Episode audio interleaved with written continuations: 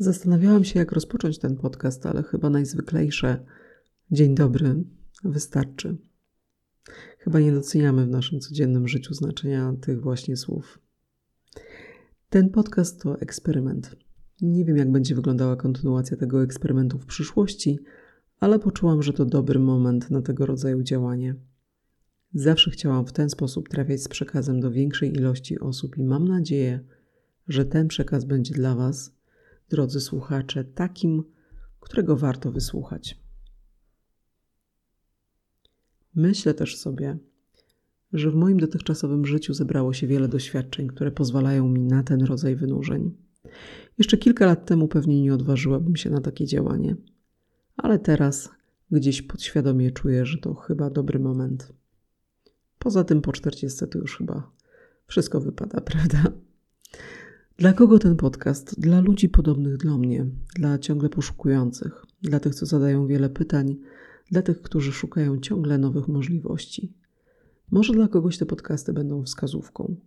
Chciałabym, żeby były jakimś rodzajem motywacji, inspiracji, sięgnięcia po konkretną pozycję książkową czy filmową, bo chciałabym w nich opowiedzieć o tym, co mnie inspiruje, co mnie motywuje, o ludziach, którzy są dla mnie wartościowymi na tyle, że warto zapoznać się z ich opinią na różne tematy. Dla tych, którzy nie mieli okazji mnie poznać, nazywam się Renata Szwed. Zajmuję się na co dzień działaniami z zakresu PR-u, marketingu oraz fundraisingu w Stowarzyszeniu Wspólny Świat w Białej Podlaskiej, które to stowarzyszenie pomaga dzieciom, młodzieży i dorosłym osobom z autyzmem. Poza tym sporadycznie prowadzę zajęcia dla studentów, szkolenia, czasami bawię się w dziennikarstwo, dzielę się swoimi spostrzeżeniami. W życiu prywatnym jestem żoną Marcina i mamą Oli i Zuzy. Dlaczego podcast?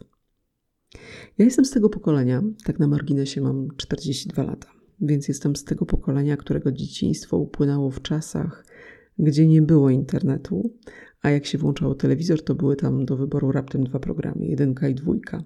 Nie było telefonów komórkowych i rodzice czasami nie mieli pojęcia, dokąd poszły po zajęciach w szkole ich dzieci.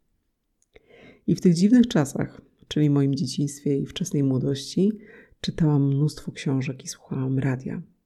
Czytanie książek nadal jest dla mnie ważne, jest nieodłączną częścią mojego życia, słuchanie radia już mniej. Radio było w moim domu rodzinnym łączone praktycznie cały czas. I pamiętam doskonale, jak moja ciocia namówiła mnie do słuchania wieczorynek właśnie w radiu. Wieczorynki czy też dobranocki były oczywiście emitowane codziennie w telewizji, ale były również słuchowiska w programie pierwszym polskiego radia. I to było coś. Można było zamknąć oczy i wyobrazić sobie całość akcji. Świat dźwięków, głosy aktorów wcielających się w poszczególne postaci, cała otoczka widowiska robiła na mnie piorunujące wrażenie. Bo właśnie tego rodzaju przekaz ma ogromne oddziaływanie na naszą wyobraźnię. To, że inaczej reagujemy na przekaz radiowy, inaczej na telewizyjny, to oczywiste. Czasami te różnice w odbiorze są nader znaczące. Klasyczny przykład, który bardzo lubię i który powinien znać chyba każdy, kto interesuje się kwestiami dotyczącymi budowania wizerunku, szczególnie budowania wizerunku osób publicznych. Pierwsza debata telewizyjna kandydatów na fotel prezydenta Stanów Zjednoczonych, rok 1960.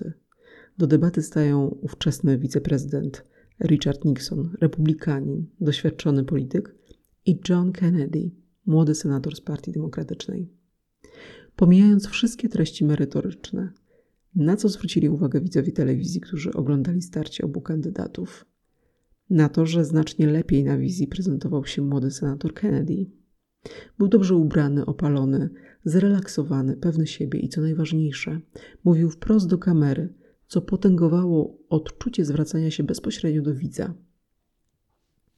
Richard Nixon miał na sobie za duży garnitur, zrezygnował z make-upu przed nagraniem, pocił się w trakcie debaty, był źle ogolony i za bardzo gestykulował podczas swoich wypowiedzi. A teraz sedno. Ci wyborcy, którzy słuchali debaty w radio, byli przekonani o tym, że lepiej wypadł Nixon. Ci, którzy śledzili debaty w telewizji, byli pewni, że wygrał ją Kennedy. Dlaczego ta debata jest tak ważna?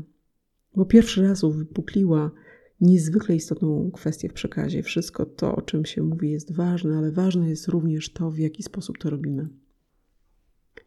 Kwestie wizerunkowe póki co na bok. Na nie jeszcze przyjdzie czas. Dzisiaj o tym, dlaczego podcast. Dlatego podcast, bo skupimy się po prostu na treści. O czym będą podcasty?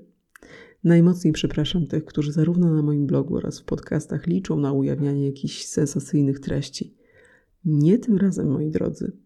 I tutaj zwracam się bezpośrednio do mojej koleżanki z pracy, która twierdzi, że musi być sensacja, żeby było warto czytać i słuchać. Alicjo, przepraszam, kontrowersji nie będzie. Na cykl w stylu ballady i romanse na wschodnich rubieżach musisz jeszcze trochę poczekać. Bo tutaj będziemy mówić o wszystkich kwestiach, które dotyczą rozwoju osobistego. O tym, co zmieniło moje podejście do wielu spraw. O sztuce odpuszczania wielu rzeczy po to, by być lepszym w wielu dziedzinach. O ciekawostkach związanych z naszą oceną wielu sytuacji. O ludziach, z którymi warto rozmawiać i których warto wysłuchać. Będą również goście. Będą, bo tego sobie nie odmówię, komentarze do bieżących wydarzeń. Będzie, taką mam nadzieję, i ciekawie, i inspirująco, i twórczo, i zastanawiająco niekiedy. Dlatego gorąco zapraszam do słuchania rzeczy jasna, bo już wkrótce drugi odcinek.